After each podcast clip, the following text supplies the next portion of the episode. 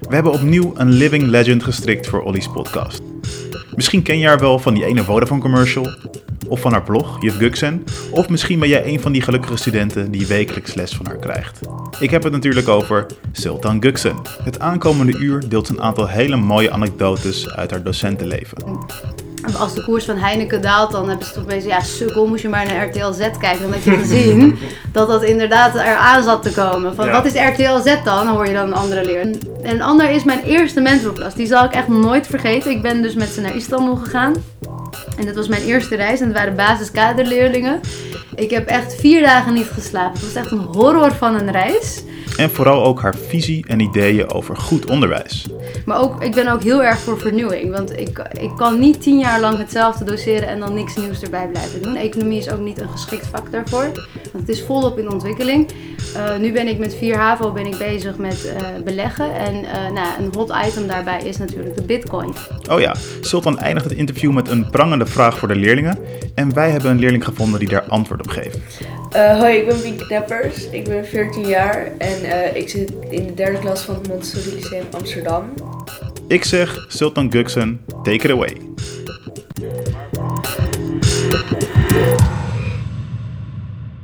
Welke school die hier ook zijn en eigenlijk eh, wat daarmee te maken heeft. Ja, nou allereerst echt een enorme eer om hier te mogen zijn en uitgenodigd te zijn door een van mijn ehm, oude studenten en huidige collega. Ehm, we zitten hier op het Marcanti College. Ik geef hier ehm, nu, eh, is mijn elfde jaar dat ik hier les geef. Ik ben hier zelf destijds binnengekomen als stagiair, aan de, eh, terwijl ik zelf nog de leraaropleiding deed in mijn derde leerjaar. Dat, toen was ik 18 jaar, dus dat, eh, nou, je kan dus terugrekenen. Ja, en ik had dus, mijn leeftijd was niet zo heel erg verschillend dan van mijn leerlingen. Dus, ehm, maar de leerlingen wisten mijn leeftijd niet. Dus ik verbood ook al mijn collega's om mijn leeftijd te delen met die leerlingen. Ehm, maar in Met ieder succes geval, ook? Met succes, ja, gelukkig. Want Ja. ze schatten me rond de 25 en dat Oh, echt? schatten ze me nog steeds. Dus er, in de afgelopen 10 jaar is er dus blijkbaar niks veranderd. Ehm, het is een echt een multiculturele school. En ik ben zelf ook van een, ehm, eh, ik ben van Nederlandse afkomst, maar ook van Turkse afkomst. Ehm, en eh, ik vind het heel erg fijn om op deze school les te geven, omdat ik naast het feit dat ik docent ben en ze het vak economie en ondernemerschap doseer, voel ik ook dat die leerlingen het enorm fijn vinden dat ze een voorbeeldfunctie voor de klas hebben. Dus iemand die dus ehm, ook een dubbele nationaliteit heeft, maar ook ehm, docent is geworden en echt eh, hard draagt voor die leerlingen. Mhm. En dat vinden de ouders natuurlijk ook heel erg fijn.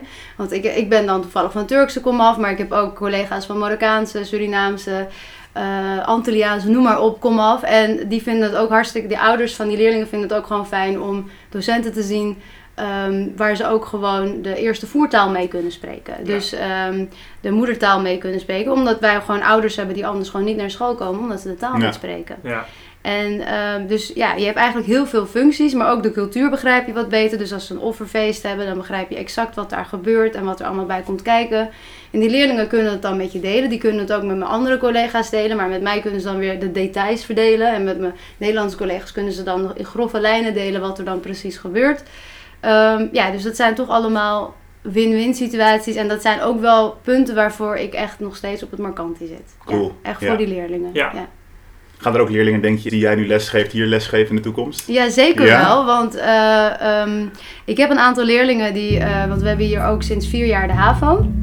En we hebben ook leerlingen die vanuit het MBO naar het HBO komen. Ik heb nu drie leerlingen die de leraaropleiding economie doen, wat mijn oude leerlingen zijn van het Marcanti College. Dus ik heb er eentje van de basis en ik heb er eentje van theoretisch en eentje die afkomstig was van de HAVO die nu de leraaropleiding doet. En dat is super mooi om dan eh, hen te zien en eh, te zien groeien. En als ze me dan op de HVA zien, zijn ze super trots. En dan ben ik niet mevrouw of sultan, wat ik voor alle andere HVA-studenten wel ben, maar dan ben ik nog steeds juf. Hé juf, kijk, ik heb dit gehaald. En dan zijn ze toch wel 25 ondertussen. Maar dat maakt niet uit, je blijft toch echt een juf. Dus dat is wel heel mooi, ja. Ja. Eh, voor we verder gaan, het is misschien ook wel eh, leuk voor te weten voor de luisteraars of nu een tussenuur van jou zitten. Eigenlijk twee tussenuren. Hiervoor heb je volgens mij net een les gegeven ook. Twee uur, een blokuur. Ja. Kun je vertellen hoe een, een lesdag voor jou hier op school eruit ziet? Ehm, nou, ik geef hier eh, geef ik onder andere ehm, nu nog alleen 4 en 5 HAVO-les, omdat ik eh, parttime werk. Dus ik werk ook parttime op de leraaropleiding eh, in Amsterdam, op de HVA. Een beetje 50-50? of 50-50, Oké, ja. Ja, dus ik werk, dus ik heb twee klassen. Ik heb 4 en 5 HAVO, die ik economie doseer en management en organisatie. Wat vanaf volgend jaar bedrijfseconomie, zelfredzaamheid en ondernemerschap gaat heten. Wat we afkorten met bedrijfseconomie, anders is het een mond vol natuurlijk. Ehm, en daarbij geef ik dus ondernemerschapslessen. En hoe het eruit ziet is eigenlijk dat ik ehm, eh, mijn lessen verzorg. En eh, in de tussenuren die ik heb, heb ik vaak eh, contact met externe of met collega's om vakoverstijgende projecten te ontwikkelen. Of met externe of met, ehm, ja, om projecten te schrijven. Af, nou, maar ook nakijken hoort er natuurlijk bij. Toetsen ontwikkelen hoort er natuurlijk bij. Mhm. Ehm, dus ja, het is altijd een hele drukke dag. En ik ben een van de eerste die binnenkomt vaak, maar ook een van de laatste die weggaat. Omdat, om, doordat je parttime werkt, heb je dus niet de ruimte om je werkzaamheden te verspreiden over die vijf dagen. Want dat moet je dan nu verspreiden over twee dagen. Ja, Ehm, maar het neemt niet weg dat als je parttime werkt, dat je minder klasles geeft. En dan heb je toch nog wel dezelfde verantwoordelijkheid. Dus je wordt hier wel gewoon verwacht op alle op studiedagen. Je wordt nog wel geacht om alle stukken te lezen. Ja, dus eh, mijn mail wegwerken hoort er ook natuurlijk bij. Ja, dat moet ik allemaal ja. netjes gaan doen. Ja, dus dat zorgt wel voor de nodige druk en stress, moet ik zeggen. ja. Maar ehm, dat vind ik ook het minst leuke gedeelte. Maar het leukste gedeelte vind ik dat ook echt voor de klas staan. Want Ja. dat is ook echt waarom ik voor het onderwijs heb gekozen. Ja. En heb je eh, nog tijd om opnieuw naar je lessen te kijken? Of is dat niet echt nodig? Omdat je gewoon sowieso al heel goed weet waar je mee bezig bent. Dat zal natuurlijk sowieso. Maar ben je daar nog mee bezig? Dat je gewoon... Ja. Ja? Ja, nou het moet wel, want ik geef ook op les op de leraaropleiding. En daar eh, doseer ik hoe, hoe zij eh, economielessen moeten geven. Dan moet ik zelf ook up-to-date blijven en Ja. mijn lessen blijven aanpassen. Want de eerste vraag die ik krijg, maar ja, Sultan, doe jij dat ook? En hoe doe jij dat dan? Dus daar ben ik continu mee bezig om die vraag te beantwoorden. Maar ook, ik ben ook heel erg voor vernieuwing. Want ik, ik kan niet tien jaar lang hetzelfde doseren en dan niks nieuws erbij blijven doen. Economie is ook niet een geschikt vak daarvoor. Want het is volop in ontwikkeling. Eh, nu ben ik met 4 HAVO ben ik bezig met eh, beleggen. En eh, nou, een hot item daarbij is natuurlijk de bitcoins. en de crypto's, et cetera. Nou, die leerlingen die, die, zijn, die denken dat ik de expert ben in alles. Nou, ik ben geen beleggingsexpert, maar die denken wel dat ik... Hè, want die, ik ben de belastingsadviseur, ik ben de belegging-expert. Maar ook, ik, ben, ik kan ook alle brieven vertalen. Of verzekeringsexpert, van wat moet ik opschrijven, wil ik alles terug kunnen krijgen.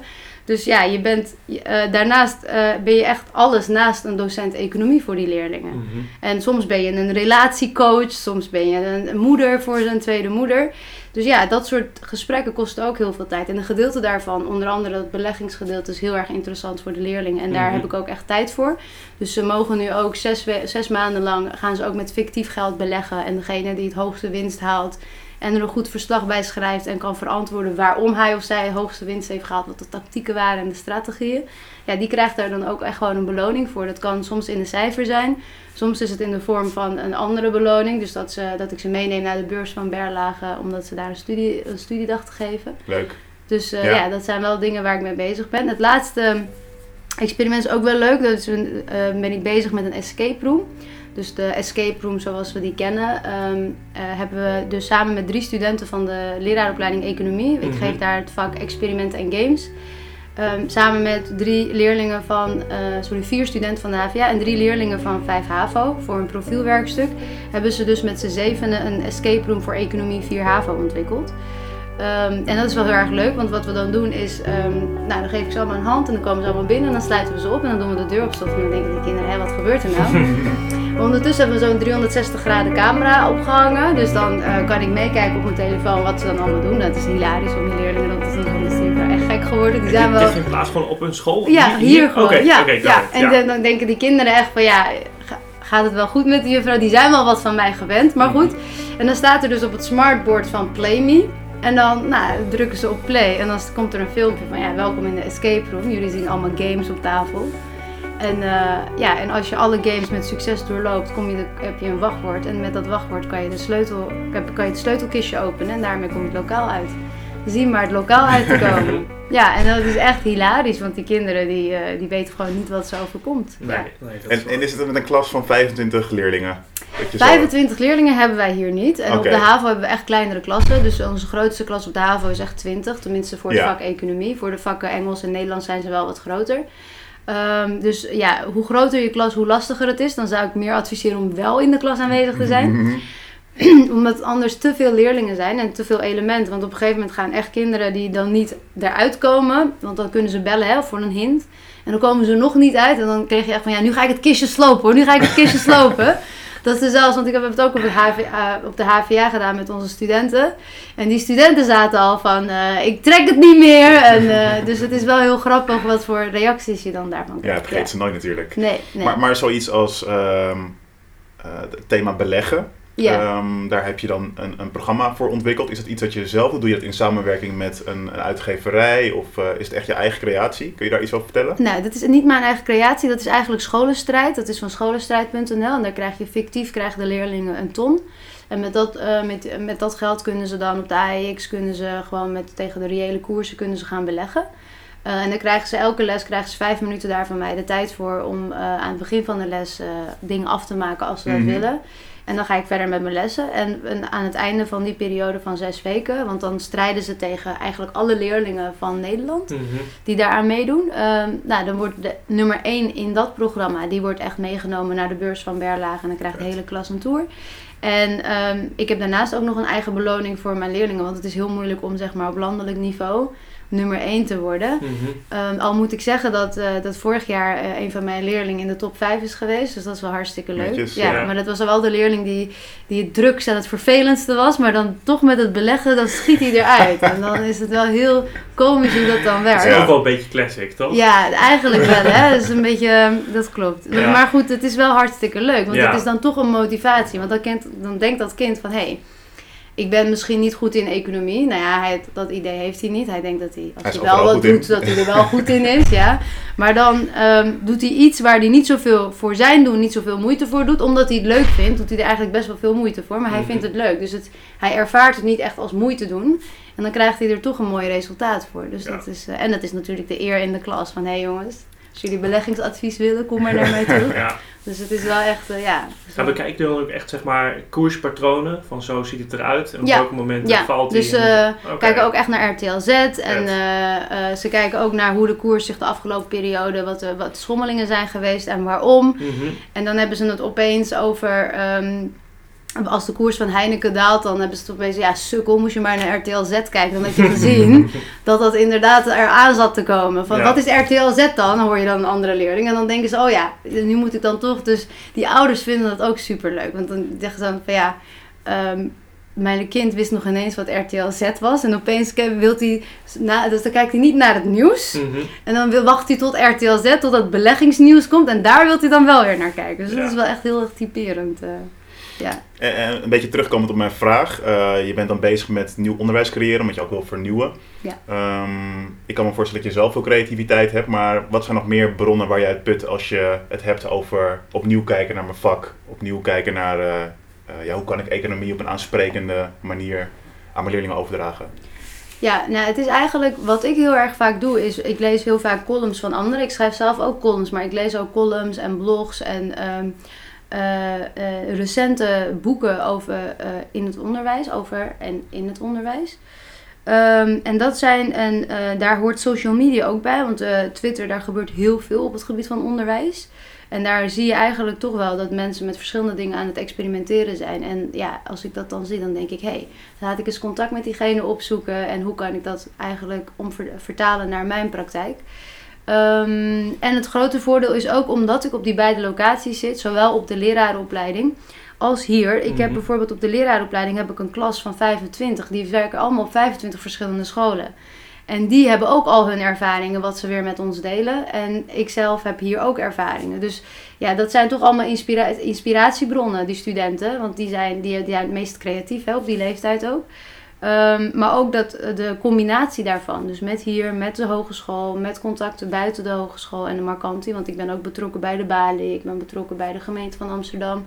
Waar ik in de klankbordgroep zit van taal van 10 van de, van de gemeente van Amsterdam. En daar kom ik ook weer leraren tegen uit het PO, VO, HBO, MBO. Mhm.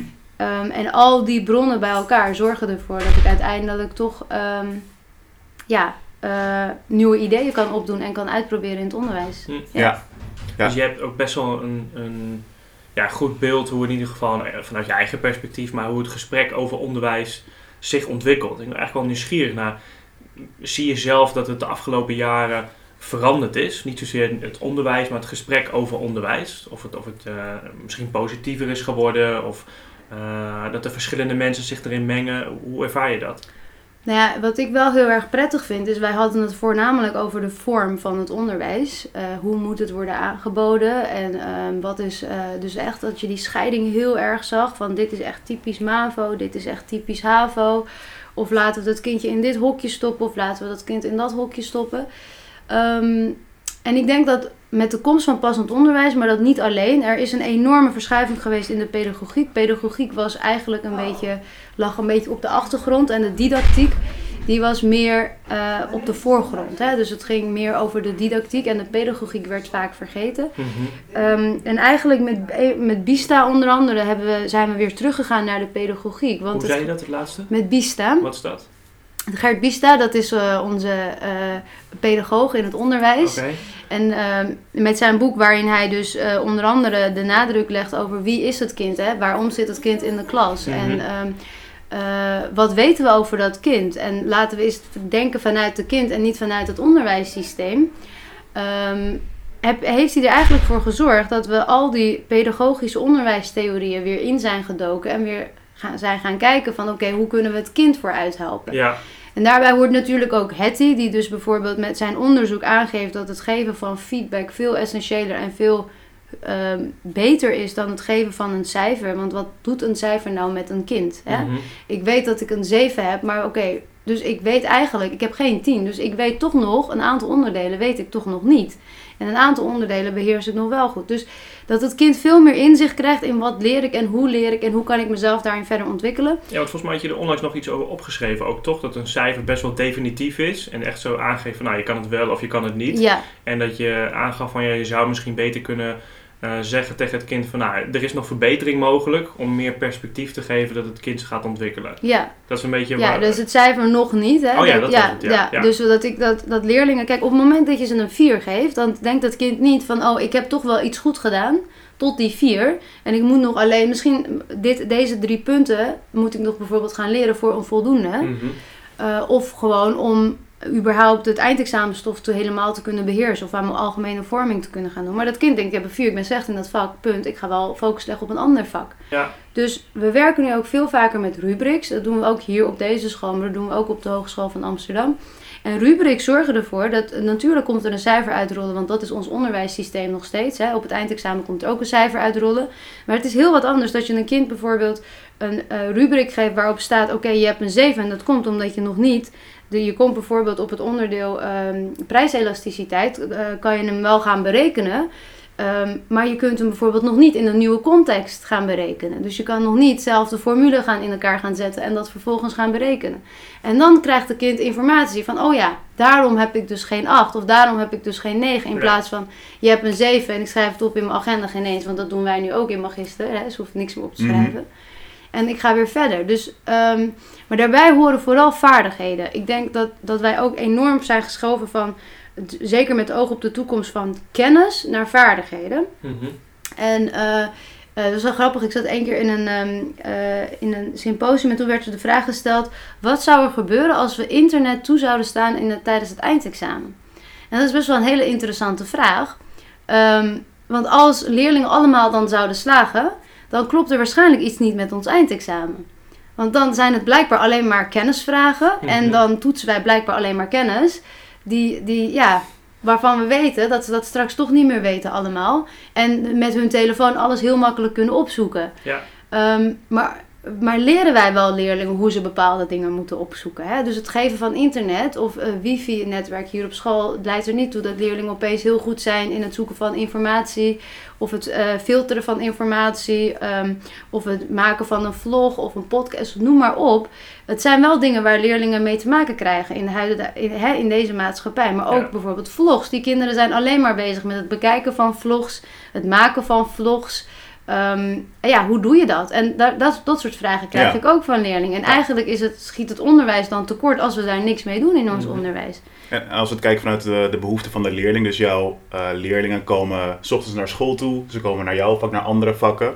Zou je misschien iets kunnen vertellen van eh, wat hun behoefte op dat moment is? Dus vaak zou je kunnen denken van nou, ze hebben helemaal geen zin in school, maar dat geloof ik niet. Ze zullen vast wel eh, voor bepaalde vakken of voor bepaalde leraren graag naar school toe komen. Zou jij ehm, ja, misschien een korte analyse kunnen geven van wat jij denkt van waar de grootste behoefte van leerlingen ligt? Als het gaat over jouw leerlingen. Ja, ik denk dat leerlingen, kijk, eh, ehm, eh, natuurlijk, hè, het lesgeven volgens een boek, volgens een methode, dat, dat, hè, dat eh, zeker als je eindexamenklas hebt, moet je gewoon die eindtermen er doorheen krijgen. En moet je die leerlingen natuurlijk opleiden. Maar die eindtermen kun je er ook doorheen krijgen. En dat is vaak een misconceptie van docenten. Dat ze denken, ja, ik heb geen tijd om al die werkvormen te gaan doen. Want ik heb het eindexamen en ik moet die leerlingen toewerken tot het eindexamen. Maar die eindtermen kunnen wij leerlingen ook laten leren door andere didactische vormen in te zetten. Een van de vormen die ik bijvoorbeeld hanteer en waar, ehm, die ik ook doseer op de HVA is dat eh, zijn. ehm, ehm, eh, eh, je hebt, dus het zijn opdrachten waarin je leerling eigenlijk een probleem geeft. Hè? Ehm, en dat je zegt van oké jongens, ik heb dit probleem. Bijvoorbeeld, ik wil leerlingen boksen leren. En dan schets ik het probleem. Hè, ik, dit is mijn inkomen, dit zijn eh, de heffingen die ik heb. eh, en ja, ik moet, ik moet aangifte gaan doen. En eh, hè, zorg er eens voor dat ik reken eens uit of dit klopt. Want dit is de factuur die ik heb gekregen. En jij hebt een binding met je leerlingen. Dus die leerlingen denken, hé, hey, voor de juffrouw wil ik dit gaan doen. Dus ik ga uitzoeken hoe ik dit moet gaan doen. En dus ik zeg, en maak het ook zo persoonlijk, want Ja, ik, ik heb echt... eh, Bijvoorbeeld, ja. of ik, of ik maak het voor hun persoonlijk. Dat ik zeg, jongens, jullie hebben een probleem, dit en dit en dit is er aan de hand. Eh, je, je wil later met je vrouw wil je een mooie huis gaan kopen. Ehm, en dit zijn de rentes op dit moment. Hartstikke leuk, je hebt het geld, maar hè, waar ga je bijvoorbeeld die inboedelverzekering afsluiten? Of waar ga je bijvoorbeeld die hypotheek afsluiten? Ehm, en dan geef je leerlingen echt iets in, vanuit de praktijk. En mijn vak leent zich daar heel erg goed voor. Ehm, en, dan vinden ze, en dan gaan ze opzoeken op internet. En dan leren ze ook die vaardigheden aan. Van, hè, wat, moet ik opzoeken? Hoe moet ik dat opzoeken? Ehm, eh, waar kan ik de informatie krijgen? Ehm, noem maar op. En je komt er eigenlijk achter dat eh, bijvoorbeeld ook waar, hoe ze bijvoorbeeld vanuit CBS, hoe ze daar informatie uit kunnen halen en hoe ze dat kunnen gebruiken in hun product. En je maakt ze ook eh, nieuwsgieriger. En dat is eigenlijk wat ontbreekt binnen ons onderwijssysteem. Als je zegt, pak je boeken, we gaan dit en dit en dit doen, omdat dat in de methode staat. Ehm, Oké, nu bagatelliseer ik het en dan maak ik het wel heel erg saai. Mhm. Maar goed, dat is een heel andere insteek dan dat ik zeg, jongens, dit is het probleem. Of dit, hè, we gaan hier een oplossing voor bedenken. En dan gaan ze met een hele andere drive, gaan ze diezelfde economische concepten leren. Maar dan ehm, zijn ze geen eens bewust van het feit dat ze dat aan het leren zijn. Want dat doen ze eigenlijk elke dag niets anders. Als, zij aan het- als ze vlogs aan het bekijken zijn, zijn ze ook aan het leren. Maar ze zijn zich niet bewust van het feit dat ze aan het leren zijn. Maar als ik dan iets vraag wat ze toevallig in die vlog hadden gehoord, dan komt dat wel weer boven. En dan zeggen ze, oh ja, dat had ik daar en daar gehoord. Mhm. Dus ik denk dat we daar steeds meer naartoe moeten. Dus een context schetsen. Ehm, en het kost ons tijd, hè? want je moet een eh, inductieve opdracht gaan maken. En je moet leerlingen dus eh, een context geven waarin zij dus gedurende die opdracht uiteindelijk uitkomen tot die concepten. Maar ook experimenten zijn daar een voorbeeld van. Games zijn daar een voorbeeld van. Ehm, eh, dus ik ben echt een voorstander van inductieve contextrijke opdrachten Ja, in het onderwijs. Ja. Ja. En dat is ook waar ik heel veel mee experimenteer. En ja, die leerlingen, als je een band hebt, en dat is naar mijn idee wat elke docent moet hebben, echt binding hebben met je klas, je leerlingen kennen, weten wie er in je klas is. En niet alleen maar het hebben over economie, maar ook leerlingen vragen naar hun, hè, hoe het met ze gaat, wat ze bijvoorbeeld hebben gedaan, hun, de theorie koppelen aan hun eigen ervaringen, daar de ruimte voor geven. Nou, daar, daarmee creëer je echt die band. Hm. Dus eh, dat kan je ook tijdens het lesgeven doen. Want vaak ontstaat er ook nog een misconceptie dat ze denken: ja, ik moet met die leerlingen privé gesprekken voeren. En dan willen ze vijf minuten een afspraak maken met die leerling om even vijf minuten buiten de les om een gesprek met die leerling te Je voeren. hoort dat wel veel inderdaad. Ja, ook docenten zeggen, ja, daar heb ik helemaal geen tijd voor. Want ik heb maar zoveel tijd per leerling. Ja. En in die tijd zou het moeten gebeuren. Alsof Ja, het zo werkt maar die leerling heeft daar zelf ook geen tijd voor. Die vindt het echt afschuwelijk om in zijn eigen tijd met een leraar te gaan Ja. zitten. En dan te moeten vertellen wat hij allemaal thuis doet. Die denkt, ja, ik heb echt wel wat beters te doen. eh, laten we eerlijk zijn, toch? Ja. Maar als je hier bijvoorbeeld in de kantine loopt en je ziet een leerling bijvoorbeeld een crypto kopen, dan denk je van, nou ja, dan ga je er gewoon bij staan. En dan zeg je van, hé, hey, leg me eens uit, waar beleg je in? En daar, op, de, op die manier een gesprek voeren is heel wat anders dan dat je zegt, oké, en nu gaan we een gesprek voeren. Ja, Hè? Dus dat Let is, the awkwardness begin. Ja, inderdaad. Ik was eh, zelf wel nieuwsgierig. ehm, je noemde in het begin ook wel dat je eh, op verschillende momenten een voorbeeldrol eh, rol aanneemt. Zowel Ja. zeg maar, voor je studenten op de HVA als de leerlingen hier, als op andere vlakken misschien. Ehm, heb jij zelf eh, ook een voorbeeld gehad in je leven? Dat je geïnspireerd bent om eigenlijk te zijn wie je nu bent? Of misschien verschillende voorbeelden? Ehm, nou, ik heb zelf, ik wist eigenlijk al van jongs af aan, eigenlijk ergens al in groep 3, dat ik leraar wilde worden. Dus het was voor mij eigenlijk heel snel dat ik het onder, dus ik na de HAVO direct de leraaropleiding en toen was ik al op mijn twintigste was ik al bevoegd docent. Dus het, ging echt heel snel. Waar, waar heb je zelf trouwens op school gezeten? Eh, in Haarlem. Dus ik kom ook uit Haarlem. Dus Ja. ik heb in, eh, op het Linnaeus heb ik gezeten, het Spaarne Lyceum. En daarna ben ik naar de eh, hogeschool gegaan. En daarna heb ik dus daar mijn masters ook afgerond. En toen ben ik hier in mijn derde stagejaar gekomen. Heb ik hier mijn stage afgerond, mijn master afgerond. Maar ondertussen ook gewoon fulltime lesgeven. En sinds vier jaar werk ik nu op de hogeschool. Dus doe ik de combinatiebaan. Mhm. Ehm, maar voorbeelden heb ik zeker gehad. In mijn, onderwijs, in mijn familie zijn echt... Volgens mij alle vrouwen zitten in het onderwijs. Mhm. Dus, eh, maar me, nou, het begon eigenlijk, eh, mijn tante was daarin wel de voorloper voor mij. Want dat, is, dat was dan vrou- eerste vrouwelijke, want mijn oom was ook, is ook docent. Maar mijn tante was, die, die stond dan heel erg dichtbij mij en die was die is zelf wiskundedocent. Mhm. Ehm, en ik heb eigenlijk ook, omdat zij wiskundedocent was, dacht ik, nou misschien moet ik dat ook maar gaan doen. En toen is mijn zus ook wiskundedocent geworden. En toen dacht ik, eh, nou ja, welk vak zal ik kiezen? Dan wordt het wel allemaal een beetje te veel van hetzelfde. En toen had ik economiedocent in 4 HAVO, waar ik dus absoluut geen klik mee had. En in 5 HAVO zijn, was, had ik een economiedocent en die zei tegen mij... Zulten, het enige wat je moet doen is opletten. Als jij oplet in mijn les, je hoeft geen huiswerk voor mij te maken, je hoeft geen opdrachten te maken. Let gewoon op. En als je het interessant vindt, maak je de opdracht. En dan, als je het haalt, haal je het. En als je het niet haalt, haal je het niet. En hij had zoveel zelfvertrouwen dat het me zou lukken door alleen op te letten. Dat ik gewoon vrijwillig zelfs opdrachten begon te maken, omdat ik het gewoon leuk begon te vinden. En het is ook echt mijn hoogste cijfer op het eindexamen geweest. Ik heb echt ruim een 8 gehaald voor economie. Terwijl ik echt overging met een 4 of zo. En toen dacht ik, ja, een docent kan echt het verschil maken. Dus ik geloof er ook niet zozeer in dat een docent een bepaalde vak absoluut niet kan. Ik denk dat doordat we onder andere met die cijfers werken en we continu horen krijgen door een onvoldoende van ik kan het niet, ik kan het niet, ik kan het niet. Dat, dat je dan ergens denkt van ja, vakken die je niet kan, vind je niet leuk. Ja, de leerlingen die gym leuk vinden, die vinden het leuk omdat je daar vaak altijd wel een voldoende voor haalt. Of vakken daar ze heel goed in zijn. Maar als je continu hoort van ja, je kan het niet, dan vind je een vak ook niet leuk. Maar als je het... Daarom denk ik, een docent maakt echt het verschil. Dus de manier ook, hoe je een cijfer overbrengt, hoe je een feedback geeft, eh, eh, draagt zoveel bij aan het zelfvertrouwen van dat kind voor dat vak. Dus ik denk dat dat heel belangrijk is en dat we daar heel zorgvuldig mee om moeten gaan. En je eh, hebt dus zelf op school gezeten in Haarlem. Ja, Was dit de eerste school waar je ging stage lopen? Dit, is de, dit was de derde school. Ik heb Oké. in Nieuw-Vennep stage gelopen en in Haarlem. Ja, En dit was wel de eerste Amsterdamse school, zeg maar. ja.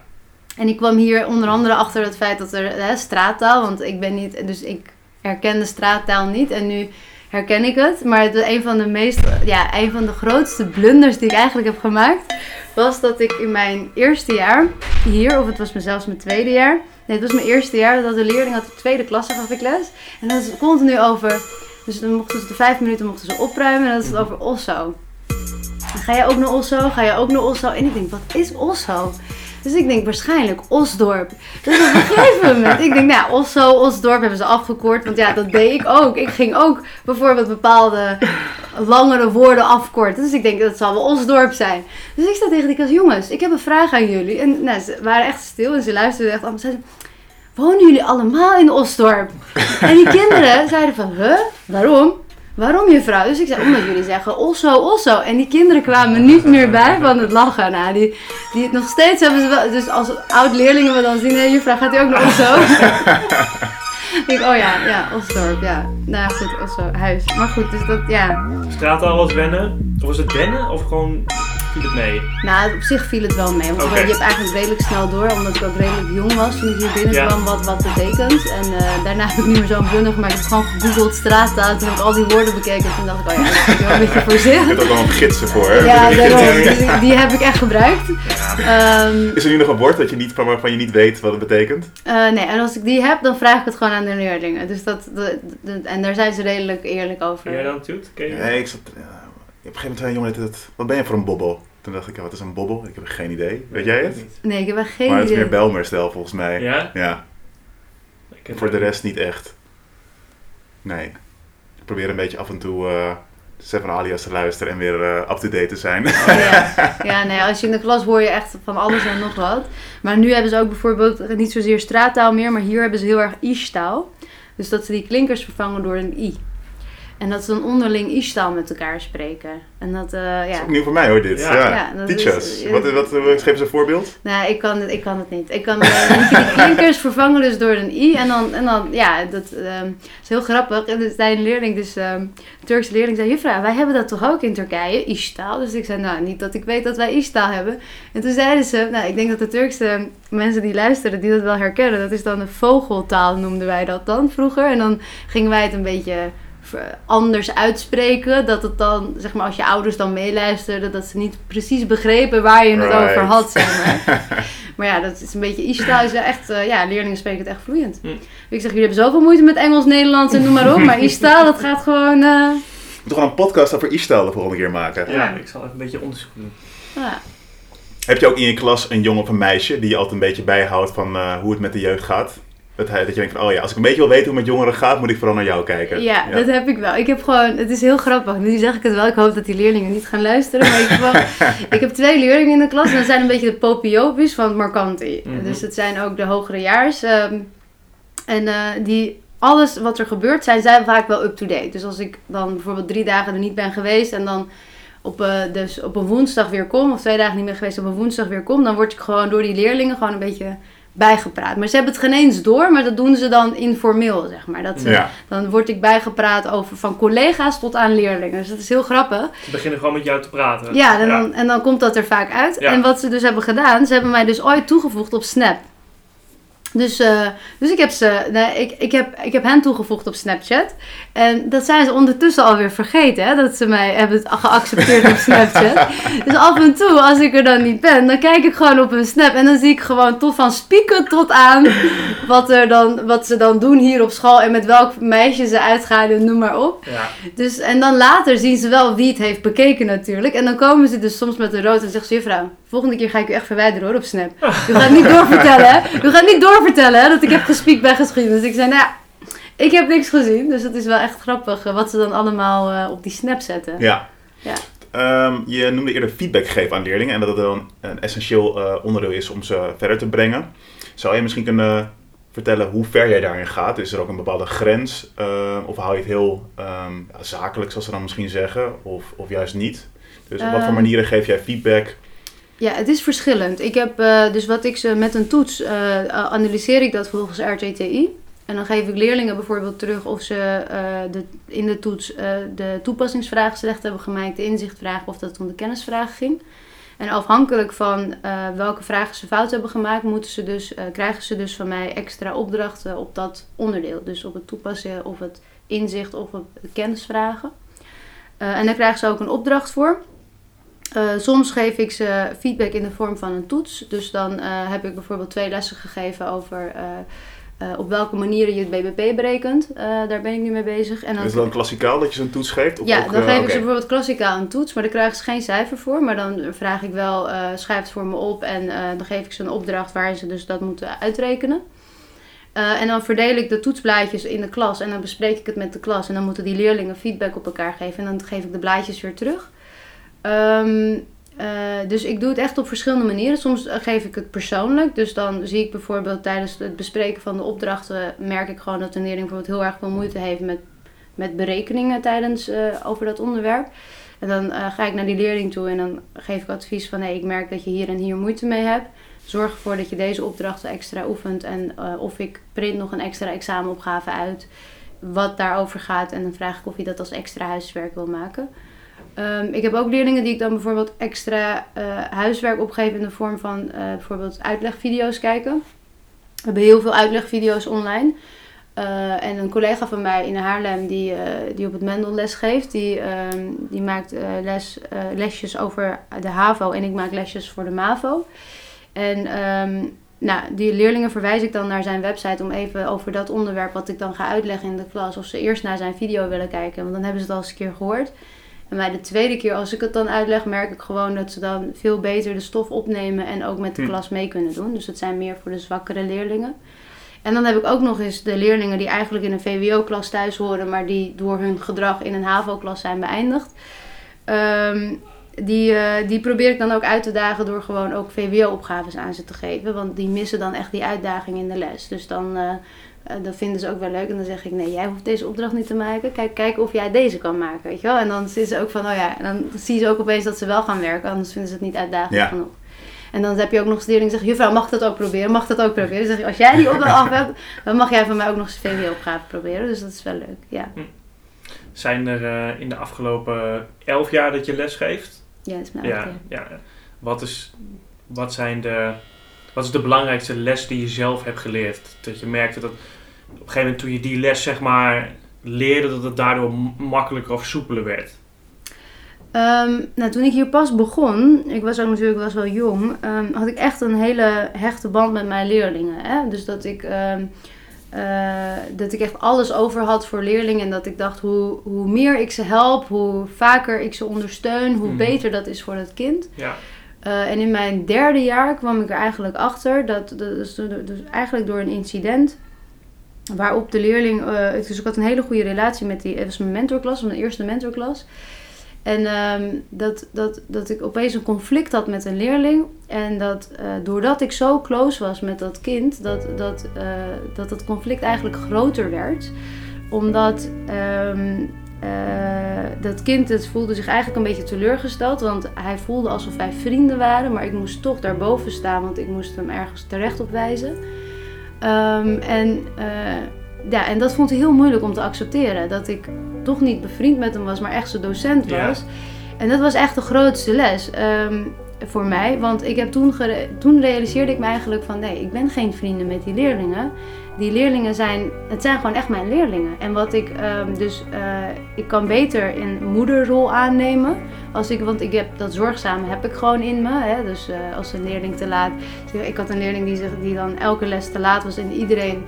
al- Alle collega's hadden feedback op een ben je alweer te laat, ben je alweer te laat. Toen dacht ik, ik ga er omdenken. Ik ga een hele andere strategie toepassen. Dus heb ik een wekker voor hem gekocht. Nou, de jongen is nooit meer te laat bij mij gekomen. Dus hij werd zo verlegen ook. En ik, nou, een docent die een wekker voor me koopt omdat ik me verslaap. Maar goed, ehm, dus ik heb dat zorgzaam heb ik wel in me. Maar eh, ik ben niet meer bevriend met ze. Dus ik ben geen vrienden met ze. Dus ik Ja. zal ook niet... ehm, dus ik praat ook bijvoorbeeld... Ik zal geen straattaal met ze spreken. Ik zal geen... ehm, eh, ik eh, heb wel, kan wel lachen met ze, kan wel grapjes met ze maken, maar ik ben wel echt hun docent. ja, en dat realiseerde ik me echt met dat incident. En ik dacht, ja, want het deed mij ook wat. Want Ja. ergens blijkbaar had ik ook het gevoel dat wij best wel vrienden met elkaar waren. Ehm, en dat hij zo grof reageerde op het moment dat ik hem terecht wilde wijzen. En toen dacht ik, het klopt eigenlijk ook wel. Want ja, als jouw vrienden jou terechtwijzen, dan kan je dat heel moeilijk accepteren. Maar als jouw vader of oud broer of oudere zus je terechtwijst, dan accepteer je dat wat makkelijker. ja. Dus daar let ik nu heel erg op. Ehm, ehm, nou, dat, dat gaat wel wat beter. Dat gaat gewoon automatisch. Maar na dat incident heb ik daar bewust voor afstand voor gekozen. Ja, dat snap ik. Dat is ook echt een les die, die je alleen kan leren door het gewoon helemaal Ja, te ervaren, ervaren, zoals ja. je het gedaan hebt. Ja. En eh, een ander type vraag, maar zijn er, eh, eh, misschien is het een beetje gek om op de podcast te zeggen, maar zijn, zijn er ook nog leerlingen, type leerlingen, waar je nu nog moeite mee hebt? Dat je zegt van ja, ik vind het altijd lastig om, met die, om die leerling erbij te houden of om, eh, ja, om die echt een stap verder te brengen. Ja, nou, het zijn vooral leerlingen die eigenlijk. ehm, ik heb eigenlijk moeite met leerlingen die nooit komen. Dat is misschien een hele eh, hè, aparte, eh, apart antwoord, maar daar heb ik echt het meeste moeite mee. Dus dat leerlingen bijvoorbeeld, ehm, wij hebben soms leerlingen die gewoon echt weken niet naar school komen. Oh ja, dat is wel hardcore, ja. enorme absenties. En dan komen ze een les. ehm, en dan is het heel moeilijk om dan eh, te bepalen wat ga je met dat kind doen. Ja, Ehm, en eh, dus dan heb je een heel inhaalpakket. En dan, eh, hè, dan dat, dat, dat, dat, dat, dat, dat. En dan ga je nu hiermee meedoen. En dan ga ik voor je zorgen dat je dat achterstand daar en daar kan inwerken. En dan komt die de tweede les ook. En de derde les komt hij weer drie weken. Ja. En heb je ook context bij dat soort leerlingen? Van dat je weet waarom ze niet komen? Ja, Of- nou, vaak zijn het leerlingen die 18 plus zijn en die dan toch op een 5 HAVO zitten. En die dan zouden zijn blijven zitten. Die Ja. dat dan voor de tweede keer doen. En ondertussen gaan ze niet naar een, een, eh, bijvoorbeeld een Joke Smit omdat dat geld kost. Hè? Want dat zijn leerlingen die niet het heel ruim hebben thuis. Mhm. Ehm, Of omdat ze dat gewoon niet willen en dat ze het gewoon prettig vinden om hier op een oude school toch te blijven een jaartje. Mhm. Dus eh, het is heel grappig. Ik heb een voorbeeld van een leerling. Die, die dus zo'n en die zei op een gegeven moment tegen mijn juffrouw, zei die, ik heb, eh, eh, u, stel, u heeft mij toch de vraag gesteld waarom ik ehm, niet naar school kom. En ik zei ja, dat klopt. Zegt hij, nou ik heb, ehm, en toen heeft hij toch tegen mij gezegd van, eh, noem eens een, een verbeterpunt voor de school dan. Wat de school kan doen om jou wel op de school te krijgen. Hmm. Wel ervoor, wat de school kan doen om jou wel te laten slagen. En toen zei hij tegen mij, nou ik heb een oplossing gevonden. En ik zei, nou vertel, wat is jouw oplossing? En toen zei hij tegen mij, ik heb uitgerekend eh, wanneer de bel gaat. En ik heb berekend dat de bel soms dus één minuut eerder of twee minuten later gaat. Dus hij gaat niet echt exact na 50 minuten. En als je dat optelt, dan zijn het wel 10 lesuren per jaar. Bijna 10 lesuren per jaar. Dus hij is heel sterk ook in rekenen, dat weet ik ook van hem. Mhm. En, ehm, en doordat ik die 10 uur mis, denk ik dat ik het eindexamen niet heb gehaald. en toen zei ik tegen hem, ik zei oké, heb je ook berekend hoeveel normale lessen je op een jaar hebt? En toen zei hij, nee. Ik zei, misschien moeten we het hebben over hoeveel lessen kom jij wel in een jaar? En toen keek ik hem zo aan en zei hij, nee juffrouw, ik denk dat ik, dat ik exact weet waar je het over wil gaan hebben, maar dit was het. Nog een fijne dag. dus het is, ze hebben echt een hele andere denkwijze. Ja. Dat ik echt denk van, Ja, Deze problematiek is ook nieuw voor ons hoor. Dat je op een middelbare school al te maken hebt met leerlingen die weken niet komen. Ik weet dat het gebeurt hoor, maar dat komen wij zelden tegen dat het op een middelbare school al... eh, Ja, nee, gebeurt. dat is ook echt, maar dat, dat gebeurt ook echt eh, in een 5 HAVO nu, omdat leerlingen bij ons met op de MAVO binnenstromen en 4 MAVO-diploma halen en dan naar 4 HAVO gaan en dan van 4 naar 5 HAVO. Dus ze zijn echt 19, 20 sommigen in 5 HAVO. En ja, die leerlingen die, eh, ja, al hun klasgenoten zitten dan, of een leeftijdsgenoot zitten Ja. op het MBO of op het van HBO. de middelbare school waar ook eerste klassers komen. Ook niet Ja, heel erg eh, Dus aansprekend. eh, ja, dus, maar goed, dan toch, ze zijn wel de oudste en ze voelen zich wel alsof het hun school is. En een beetje, ze kunnen iedereen alles wijsmaken. Ja, dus, ehm, maar goed, het is, ja, we hebben er gelukkig niet heel veel, maar we hebben er nu wel echt twee die echt problematisch zijn. Ja. Ik heb nog een vraag over eh, eh, de carrière van Sultan. Ehm, waar je nu bent, eh, is dat iets wat, wat organisch zo gegroeid is? Dat je gewoon steeds elk jaar en, en eh, steeds meer bijkwam en dat je nou eigenlijk eh, staat waar je, waar je staat? Dat is de ene kant van, van, de vraag. Aan de andere kant was ik ook nieuwsgierig of heb je nog, is er nog een, big plan, een groter plan waar je nu nog naar op weg bent of dat er een aantal doelen zijn waar je, die ook graag nog zou willen behalen? Ehm, nou, ik ben in ieder geval bezig wat ik nu doe en wat ik eigenlijk, ehm, waar ik ben begonnen met mijn bacheloronderzoek en waar ik met mijn masteronderzoek mee door ben gegaan, dat is het ondernemerschap. Dus ehm naar aanleiding van mijn bacheloronderzoek heb ik een internationaal eh businessproject eh, opgezet, waar we dus met leerlingen dus naar eh, ehm, Istanbul zijn gegaan. En het is dus om leerlingen een bredere kijk op de wereld te geven. Ehm, en dat project heb ik dus uiteindelijk groter gemaakt. In de master hebben we echt lessen. Dus we geven ook sinds 2012 geven we hier twee uur per week businesslessen aan onze VMBO-leerlingen tot aan de HAVO-leerlingen. Mhm. Ehm, dus dat wil ik heel erg verder uitwerken. Eh, daar ben ik nu ook mee bezig met rubrics en met eh, vaardigheden. Om leerlingen echt ook ontwikkelingen te laten zien. Wat ze dus mee kunnen nemen op het MBO of het HBO. Om daar verder mee te gaan. Mhm. Ehm, en eh, naar de toekomst gericht is dat ik dat onderzoek ook, dat ik daar ook echt onderzoek naar wil gaan doen. Naar hoe ondernemerschap, wat voor effecten ondernemerschap heeft op onze leerlingen. Dus Ja. die ondernemerschapslessen die wij aanbieden. Maar niet alleen, ik doe dat hier op het Marcanti, maar heel veel scholen die doen dat in Nederland ondernemerschapslessen aanbieden. Ehm, maar het is, ook, het is ook echt in opkomst. Hè? Mensen die een eigen onderneming starten, foto's maken, eh, eigen vlogs of noem maar op. Die hebben allemaal eigen bedrijfjes zijn ze aan het opzetten. Ehm, wil ik gaan onderzoeken wat de effecten daarvan zijn. En daar wil ik eigenlijk wel een promotieonderzoek voor gaan doen. Ja. dus dat is dan de ambitie die ik nog heb.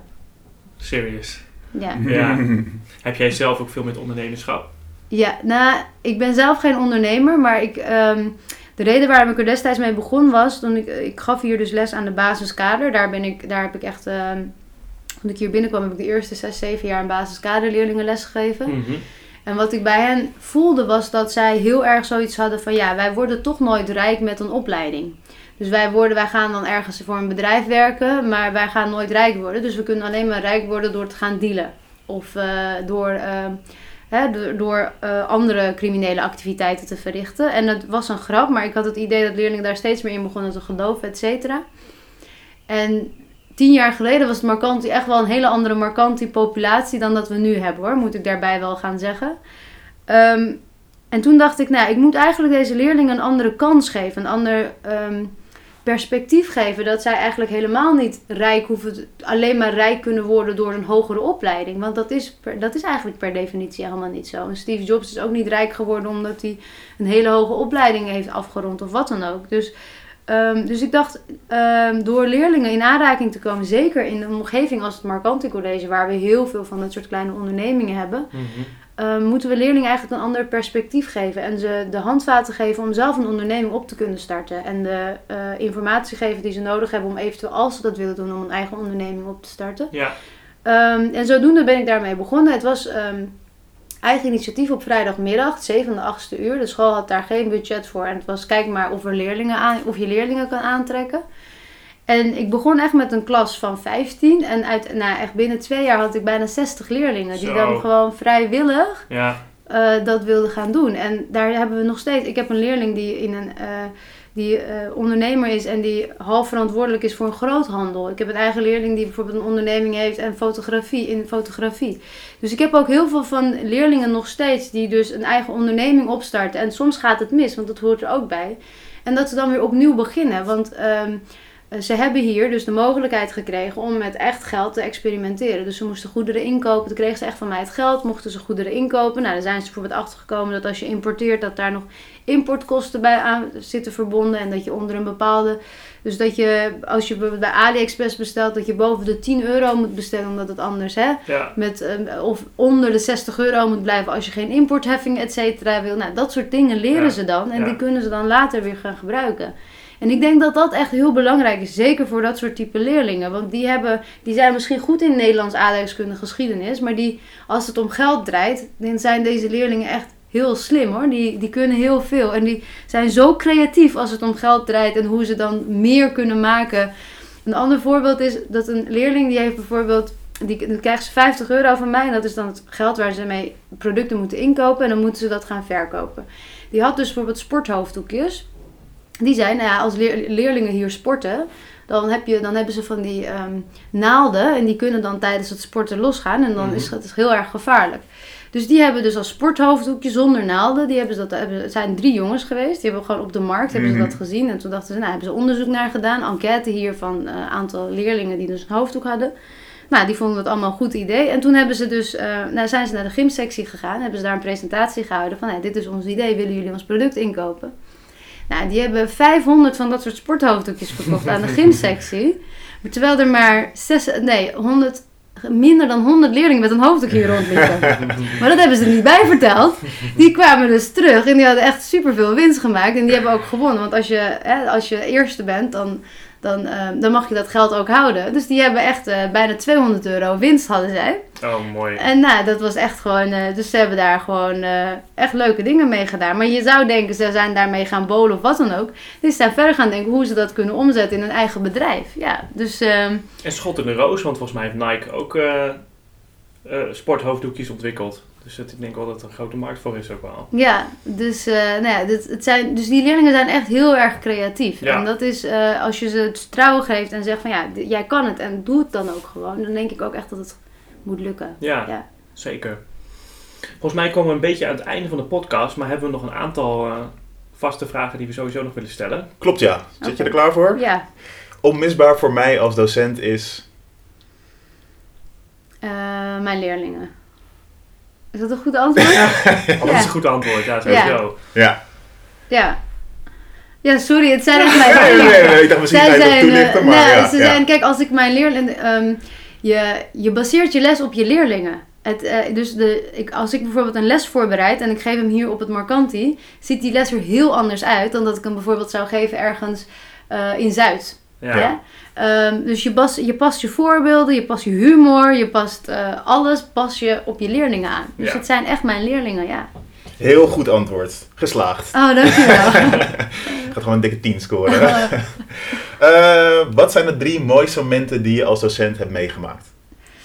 ja, eh, moet ik even nadenken. De eerste was dat ik ehm, met Ernest, met het Vodafone commercial, dat Ernest met een... ehm, eh, hij stond een 5,6 voor MNO en hij was al gezakt. Voor de luisteraars, Ernst is de jongen die in de commercial zit ook, hè? Ja, die ook in de commercial zit. En die, ehm, die was al gezakt. En ik maakte hem echt zorgen. Want hij, zijn absentie begon ook toe te nemen. En ik dacht echt, als hij het maar gaat halen. En toen hebben we die app ontwikkeld. Maar naast die app heb ik ook nog een aantal keer met hem gezeten. Om hem dus, hè, want hij dacht, anders sta ik voor heel Nederland voor schut. Ik moet echt het eh, voldoende halen. En hij heeft echt het hoogste van de klas gehaald. Hij heeft echt ruim een 8 gehaald voor zijn eindexamen. En daar ben ik echt super trots op. Mhm. Ehm, dus dat was wel echt een heel mooi moment dat we ook samen op het eindexamenresultaat aan het wachten waren. En dat ik bij hem thuis kwam en dat, dat we dan Oh, hoorden dat hij was geslaagd. Was dat ook waar je die video van hebt gemaakt? Dat je niet, aan, niet opbelt, maar aanbelt? Was dat bij Ernest? Ja, Oh, eh, nee, dat was eigenlijk dat was voor, ehm, dat was het jaar daarvoor met Ernest. En toen zeiden mij al mijn leerlingen die toen in 4 HAVO zaten en het jaar daarna in 5 HAVO zaten van... Ja, juffrouw, gaat u ook voor ons een filmpje maken? Want nu zijn we wel heel erg jaloers. En toen dacht ik, oké, ik moet het goed maken. En toen heb ik dus het commercial gemaakt met... ehm, eh, voor die leerlingen dus ben ik dus allemaal hebben we boeketten gekocht met eh, eh, drie andere collega's. En toen zijn we dus niet, hebben, we dus, hebben ze dus niet gebeld, maar hebben we aangebeld. Nou, ja, en dat was echt een shock voor zijn leven. Want die kinderen, eentje begon echt te huilen. Want die Oh. dacht, oh nee, heb ik geslaagd.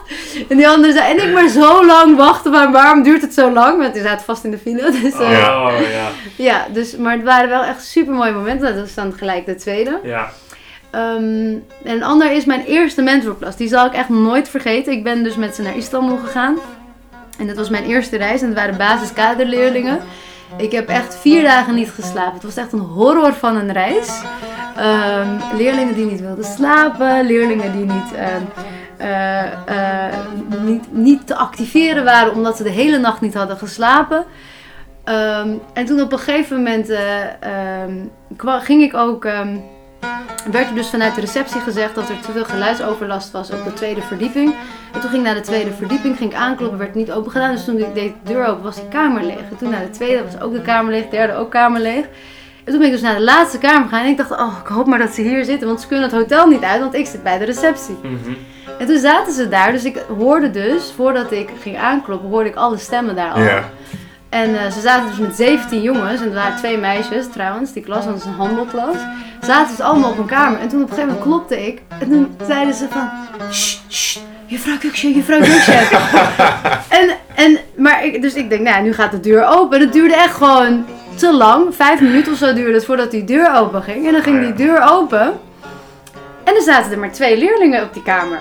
Dus ik dacht, hé, waar zijn al die andere kinderen? En het was zo grappig. Twee leerlingen stonden dus met hun gezicht achter het gordijn, maar hun voeten waren gewoon. Twee zaten in de badkamer. En, en de ene zat de hele tijd naar het raam te kijken. En ik denk, wat is er nou? Dus ik denk, nou, ze moeten toch wel ergens zijn. En de twaalf jongens kun je niet in een, in een hotelkamer verstoppen of zo. Dus ik doe dat raam open. En ik denk, hé, je kan eruit klimmen. Dus ik klim uit het raam. En ja hoor, er stonden gewoon 15 van die VMBO-leerlingen in hun boxers. Ze hadden allemaal een boxer aan. Echt super gênant. Stonden ze dus daar in de kou zo te trillen totdat ik weer weg was. Nou god, dat was echt, dat echt het moment dat ik echt dacht van, oh Nee, god. dat beeld raak je niet Nee, eh, dat, gauw dat, kwijt. nee, dat ik denk dat dat eigenlijk- hun mooiste moment was. ja, dat denk ik wel. Maar nog steeds, als ik ze dan zie, dan af en toe, want die, ze moeten nu rond de 25 of 26 zijn, die leerlingen. Dan zeggen ze wel eens tegen mij, juffrouw, Istanbul, dat vergeten we nooit meer. ik denk, ja jongens, ik vergeet hem ook nooit meer. Ah, dat is wel goud waard, ja. Ja.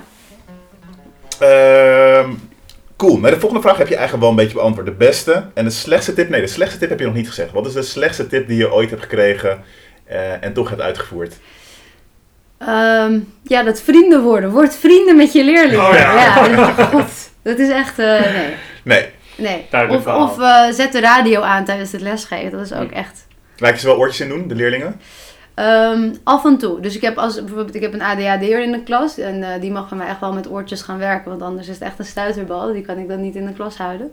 Ehm, en sommige leerlingen als ze dan eh, zeggen van hey, juffrouw, ik kan me beter concentreren omdat ik dan uitleg geef nog aan een andere leerling, Ja. vind ik het prima dat ze oortjes hebben voor jou. Hm. Ja. En ehm, de laatste vraag. We zijn goed in twee vragen tegelijk stellen, dus dat ga ik weer doen. Oké. Ehm, stel je voor, jouw leerlingen hebben hun examen gehaald. En dan eh, hebben jullie waarschijnlijk hier in de grote zaal eh, alle ouders bezoek. En de kinderen, die komen in hun mooiste pak naar school toe. ja. Wordt er voor ze geklapt. en dan mag jij ze een speech geven. ja, Stel je voor dat die speech in 2018 plaatsvindt. Dus in Ja. mei, juni. ja. Waar zal jouw speech dan over gaan? Ga ik straks mijn tweede vraag stellen. Maar waar, waar zal jouw speech dan over gaan? Voor de hele klas. Ja, voor jouw leerlingen. Ja, voor mijn leerlingen zou ik, ik denk dat ik, eh, ik, ik, wat ik doe is, ik hou met mijn quotes en met foto's maak ik ook eh, gedurende het jaar en die bewaar ik allemaal. Eh, van leerlingen, maar ook van uitjes. Maak ik ook foto's, filmpjes, eh, ehm, eh, vlogs, dat soort dingen. En wat ik dan vaak doe, is ik maak daar een, ehm, een, een compilatie van. En dat maak ik tot een filmpje, dus 15 minuten. En dan zeg ik, ik kan wel heel veel dingen vertellen, maar sommige dingen moeten jullie gewoon zien en ervaren. En echt leerlingen die dan bijvoorbeeld slapen als ik uitleg geef, die dan maar een foto maken bijvoorbeeld. Of die dan bijvoorbeeld. eh, ehm, eh, het was wel grappig. Ik, had, ik, ik zei bijvoorbeeld tegen een leerling eens een keer dat ik. ehm, ik zei, doe eens. eh, dat was een collega die zei, die zei van: doe eens even je, je, je, eh, je jas uit. En dat die leerling, dat, dat, die leerling deed serieus echt zijn hele shirt uit, zeg maar. en dat ik dan echt zo te kijken, ik zei: Ik begrijp dat je wil laten zien dat je gespierd bent, maar doe toch maar je t-shirt weer aan. Dus dat soort blunders, ehm, dat ouders echt denken van, dat ouders dan ook echt zien van waar wij allemaal mee te dealen hebben, zeg maar. En wat, we, wat voor humor we ook hebben. En wat die kinderen eigenlijk, eh, weet je, dat zijn ook gewoon verhalen die ik dan ook gewoon bijvoorbeeld thuis of met vrienden kan bespreken. Ehm, waar we ook nog steeds bijvoorbeeld om lachen of antwoorden die ze dan geven. En waar dat ook blunders bij andere vakken, dat is gewoon hilarisch. En die herhalen we dan. Zodat we nu zeggen, want ze zeggen ook, ik zeg dan ook altijd, jongens, we hebben gewoon twee jaar lang hebben wij het met jullie moeten doen. Jullie hebben ons echt soms zoveel stress, zoveel ellende, zoveel eh, frustratie gezorgd. Maar jullie hebben er ook voor gezorgd dat, hè, dat we konden lachen. Ehm, en wij willen nu ook weer lachen. Dus eh, hierbij eh, jullie blunders. En dan komt dat filmpje. En dan, nou ja, dit is schandalig. Of hoe ze bijvoorbeeld de eerste klas eh, pasfoto, weet je wel. En de laatste klas Ja. pasfoto. Leuk. Of ja, dat soort dingen. Dat is gewoon hartstikke leuk, ja. Dus dat, dan is dat filmpje geweest en je speech is geweest. En ik weet niet of je het doet, maar stel je voor dat je dan een cadeau aan ze mag meegeven. Wat zou je dan aan je leerlingen meegeven? Wat ik wel doe, is de leerlingen die het hoogste voor mijn vak halen, krijgen een pen met hun naam gegraveerd. Eh, want dat zijn dan onze economen, want ik geef het vak economie.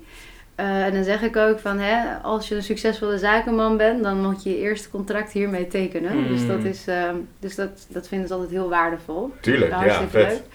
Ehm, en daarnaast ehm, zou ik leerlingen eigenlijk willen meegeven dat, dat zelfvertrouwen, hè, dat, dat niets onmogelijk is.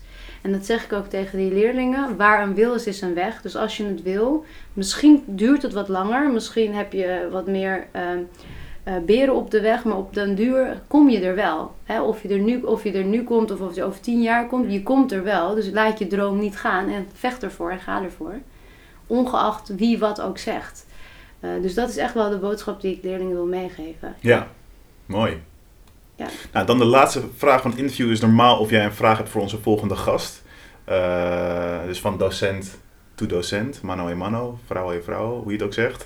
Eh, maar eigenlijk heb ik een andere vraag, ehm, die ik zelf laatst bedacht. En namelijk, Heel leuk vindt. Heel leuk, vind ook gaan kijken of het werkt of niet. Oké. Eh, heb jij namelijk nog een vraag die je aan jongere leerlingen zou willen stellen, omdat je eigenlijk niet begrijpt eh, hoe iets werkt? Of begrijp je wat mijn vraag is? Ja, dat begrijp ik. Ehm, Bijvoorbeeld, waarom dragen jullie nog steeds van die Gucci-tasjes? Nou, Ja. Zo'n vraag kan het zijn, Oh, maar het kan ook iets heel Ja. anders zijn hoor. Ehm, nou, een vraag die ik bijvoorbeeld, eh, wa- ja, wat ik niet begrijp bij leerlingen, is ehm, dat. ik zit heel even te denken hoor, hoe ik het moet formuleren. Eh, waarom ze bijvoorbeeld dag en nacht met die telefoon bezig zijn. Dus waarom ze dus met de app met elkaar communiceren terwijl ze gewoon naast elkaar zitten. Goeie vraag. Ik denk dat je niet de enige bent die het antwoord daarop zou willen weten. Ja. Goeie. Nou, die gaan we dan stellen aan een leerling, die hopelijk het eh, goede antwoord en ons allemaal knowledge daarover kan geven. En dat En dan krijg je ga je natuurlijk ja, eh, horen. terug horen. Nou, ja. ik ben benieuwd. Ja. we gaan het ook gewoon in deze podcast editen, het antwoord van één van de, van de leerlingen. Dus eh, er zijn natuurlijk verschillende antwoorden op, denk ik. Dat sowieso, maar in ieder geval één. Ja, ik ben benieuwd. Tot zover. Nou, Sultan, echt hartstikke bedankt voor je Graag. tijd en ook voor eh, ja, alle verhalen die je hebt verteld, de inzichten die je hebt gegeven, die je met ons hebt gedeeld. Nou, Openhartigheid, zeker, ja. Heel leuke anekdotes. Ik ga de reis in Istanbul ook niet meer vergeten. Ook jouw mooiste moment van je leven nu. Nou, ik, ik, ik beeld, ik kan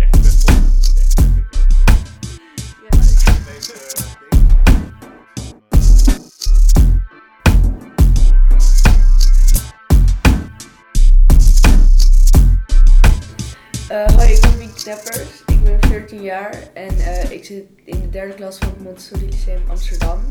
En ik woon, in Amsterdam, ik woon dus in Amsterdam. En Dat. dat is het. Je hebt naar een stukje geluisterd van het interview met Sultan. ja, Ja, hoe klonk het? het klonk wel als een leuke docent, denk ik. Cool. Oké, eh, de vraag van Sultan. Hoe kan het nou dat je soms naast een vriend of naast een vriendin zit en dan zit je er gewoon letterlijk naast en dan ben je met elkaar aan het communiceren, maar gewoon met je telefoon en niet gewoon live? Ja, Kun je dat uitleggen? Nou, meestal als het gebeurt is zeg maar omdat er dan iets wordt gezegd wat niet iedereen hoeft te horen. In de klas bijvoorbeeld, of met welke vriend je bent. Of zeggen ze over een leraar of zo. En sommige leraars zijn streng, dus dan gaan ze meteen boos worden als je iets over hen zegt. of zo, dat soort dingen. En anders ja, ik weet niet, ik, je hebt het, die situaties heb ik wel eens, maar niet heel vaak. Het is gewoon meer, ja, ja, meestal gewoon als er iemand is die niet, waarvan het niet de bedoeling is die, dat diegene weet waar je over, over aan het praten bent. Maar stel je voor, je bent met een groep van vier, vijf vrienden en je zit gewoon met iemand thuis. Ga je dan ook met elkaar over de telefoon met elkaar appen nee, of dat niet? nee, dat doen we meestal niet. We zitten af en toe wel gewoon allemaal een beetje op ons telefoon niks te doen of zo. Maar we gaan niet, ja, dan ga je gewoon praten met elkaar. Dat is niet, niet- het is meestal gewoon, als het bijvoorbeeld in de klas is of zo, in een situatie dat er allemaal kinderen naast zitten. Geen zin om mee te luisteren. Kijk, af en toe, dat, soms heb ik het wel, dan ben ik gewoon een gesprek aan het voeren en sommige dingen wil je dan gewoon niet hardop zeggen en dan eh, zeg je het even via app of zo. Maar dat, ja, dat maakt ook, het komt niet heel vaak voor. Meestal zeggen we gewoon alles wat we vinden. Maar het maakt toch niet zo uit wat mensen ervan vinden, maar ja, ja, ja, dat weet je. Thanks Pien, ik heb een duidelijke uitleg en ik ga het Ja. aan Sultan vertellen. Oké.